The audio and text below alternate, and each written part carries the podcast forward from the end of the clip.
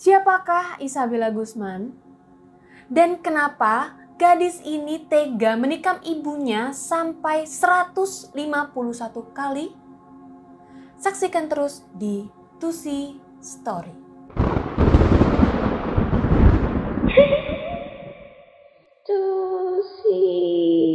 Welcome back to Tusi Story di mana ada Tusi, di situ ada story. Nah, di Tusi Story kali ini aku akan memberikan kalian cerita tentang kriminal lagi dan kali ini pelakunya adalah seorang wanita lagi tepatnya seorang gadis yang baru berusia 18 tahun yang bernama Isabella Guzman.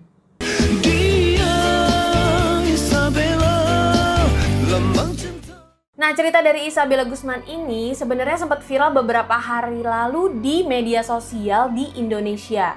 Tapi, kejadian dari Isabella ini sebenarnya sudah terjadi sekitar tujuh tahun lalu, tepatnya di tahun 2013. Ceritanya adalah tentang seorang anak perempuan yang tega menikam ibunya sampai ibunya ini mati. Oke, daripada penasaran, langsung aja kita mulai ceritanya. Tapi, Tunggu dulu, untuk kalian yang baru pertama kali mampir di channel aku, jangan lupa klik tombol subscribe dan nyalakan notifikasinya supaya kalian tahu kalau aku upload video baru. And now, let the story begin.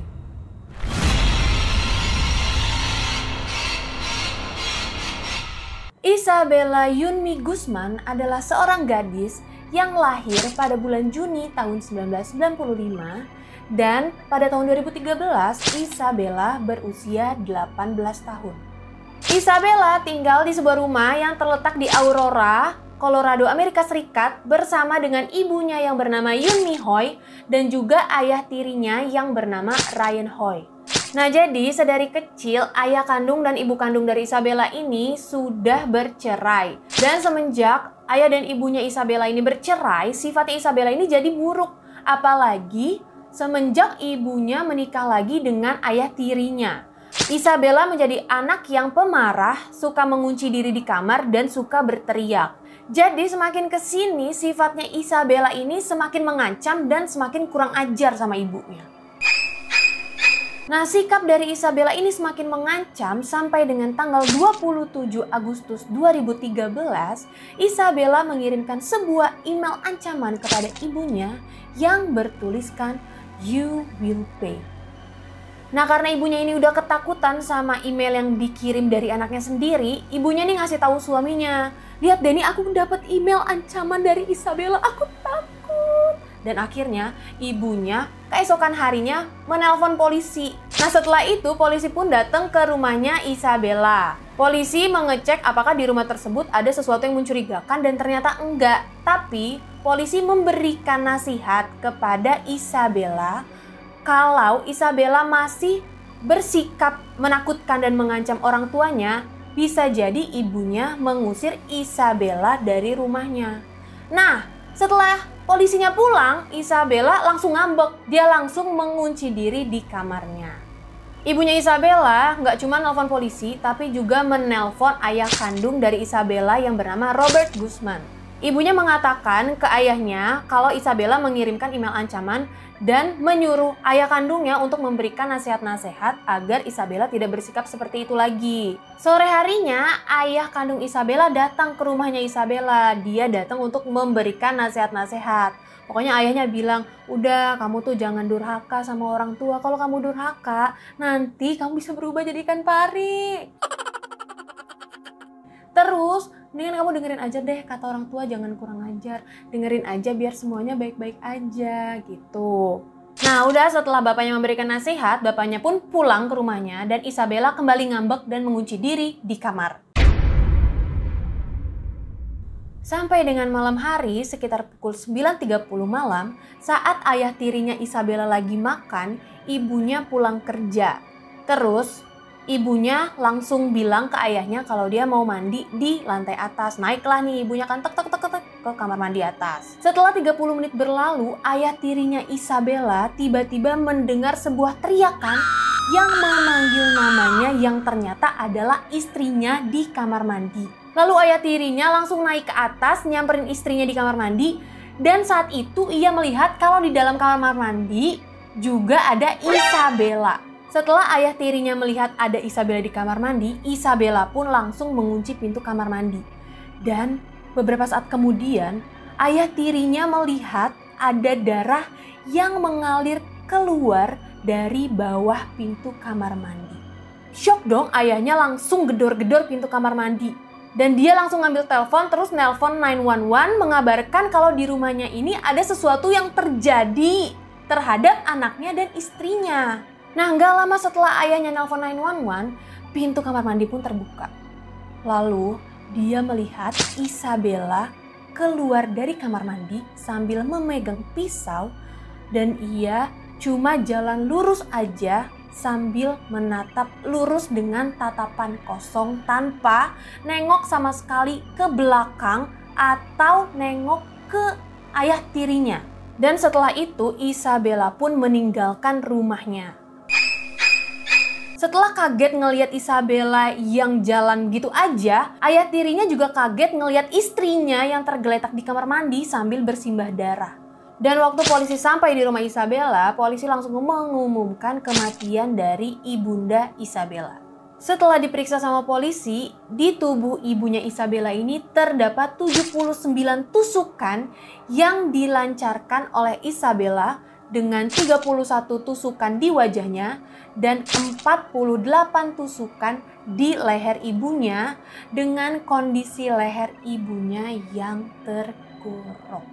Tapi Ternyata setelah diselidiki lagi, tusukan di tubuh ibunya bukan cuma 79, tapi dua kali lipatnya, yaitu 151 tusukan. Coba bayangin, seorang anak menusuk ibunya sampai 151 tusukan. Kayak Nah dan terakhir Isabella menghabisi ibunya dengan memukul ibunya menggunakan tongkat baseball. Udah ditusuk 151 kali tapi nggak puas. Dipukul juga sama tongkat Setelah Isabella meninggalkan rumah, Isabella ini sempat mampir ke sebuah minimarket yang berada di dekat rumahnya untuk mencuci rambutnya yang terkena darah. Dan waktu ditanya sama kasir, dia cuma mengatakan kalau Isabella habis diperkosa. Dan Isabella juga berpesan kepada kasirnya, jangan lapor polisi.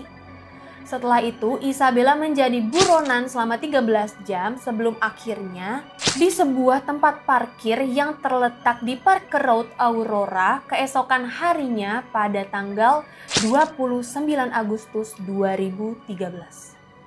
Setelah dilakukan penangkapan terhadap Isabella, Isabella pun ditahan di penjara Arapaho County. Pada tanggal 30 Agustus 2013, persidangan pertama dari Isabella pun digelar. Dan Isabella pun ditetapkan sebagai tersangka utama atas pembunuhan tingkat pertama. Nah, video dari persidangan pertama inilah yang membuat geger karena Isabella di persidangan ini tersenyum seperti tidak memiliki rasa bersalah sama sekali. Isabella sempat tersenyum ke kamera sebanyak dua kali dengan senyuman sinis dan juga pandangan yang dingin. Dan Isabella bukan memberikan senyuman-senyuman lucu sih sebenarnya, tapi senyuman kayak hmm, eh, gimana ya? Hmm, ya gitulah pokoknya. Senyuman-senyuman kesel cuman-cuman sebel gitu sama kamera. Terus udah gitu dia juga memberikan pandangan dingin. Yang tiba-tiba waktu lagi lihat kamera matanya tuh berubah jadi dingin. Agak ngeri sih. Dan karena saat itu Isabella sudah berumur 18 tahun, jadi Isabella dapat dikenakan hukuman sebagai orang dewasa dan juga dapat dikenakan hukuman mati. Namun, dari hasil tes kejiwaan, ternyata Isabella mengidap penyakit mental. Dan menurut pengacara dari Isabella ini, Isabella tidak mengetahui dan tidak paham atas perbuatan yang dilakukannya, yaitu perbuatan pembunuhan tersebut. Dan akhirnya pada Desember 2013, Isabella dinyatakan tidak bersalah dan dikirim ke Rumah Sakit Jiwa Negara Bagian untuk dilakukan evaluasi. Lalu pada Juni 2014 dilakukan kembali persidangan untuk melihat hasil dari evaluasi Isabella di rumah sakit jiwa selama enam bulan. Dan lagi-lagi hakim persidangan George Bouchler mengatakan kalau Isabella tidak bersalah atas pembunuhan yang dilakukannya dengan alasan kejiwaan atau kegilaan. Hakim itu juga mengatakan kalau penyakit mental yang diderita sama Isabella ini membuat dia tidak memiliki kemampuan untuk membedakan mana perbuatan yang benar dan mana perbuatan yang salah, baik itu secara hukum atau secara moral. Dan menurut dokter yang merawat Isabella di rumah sakit jiwa yang bernama Dr. Richard Pounds, ia mengatakan kalau Isabella memiliki penyakit kejiwaan yang bernama skizofrenia paranoid. Skizofrenia paranoid adalah penyakit gangguan otak yang menyebabkan penderitanya memiliki kelainan dalam berpikir serta kelainan dalam merasakan atau mempersepsikan lingkungan sekitarnya. Singkatnya adalah kesulitan dalam menyesuaikan pikiran dan realitas yang ada. Dan setelah Isabella dinyatakan tidak bersalah, Isabella kembali dikirim ke rumah sakit jiwa ke Colorado Mental Health Institute of Pueblo. Dan dokter Richard Pound juga mengatakan bahwa selama enam bulan Isabella dievaluasi, Isabella selalu berhalusinasi, menatap ke atas dengan tatapan kosong, berbicara sendiri, dan juga tertawa sendiri.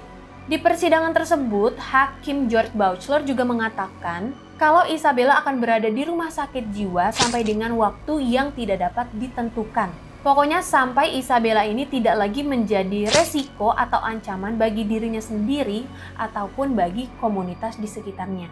Dan George Bouchler juga yakin kalau Isabella melakukan hal tersebut karena ia tidak mengetahui kalau aksinya adalah kesalahan. Nah untuk berita atau kabar-kabar dari Isabella di tahun 2020 ini aku udah nyari mau dari web Indonesia atau web luar aku nggak nemu sama sekali berita tentang Isabella ini yang aku temuin kalau dari Indonesia itu cuman berita-beritanya yang viral dan berita itu adalah berita 7 tahun yang lalu atau berita di 2013 gitu. Dan kenapa Isabella bisa viral di Indonesia beberapa hari belakangan ini? Kayaknya karena videonya Isabella yang nyengir saat persidangan karena headline-headline yang aku temuin di berita-berita Indonesia adalah gadis pembunuh ibunya tersenyum saat persidangan. Ya pokoknya kurang lebih headline-nya kayak gitu. Dan itu yang membuat Isabella viral sekarang-sekarang ini.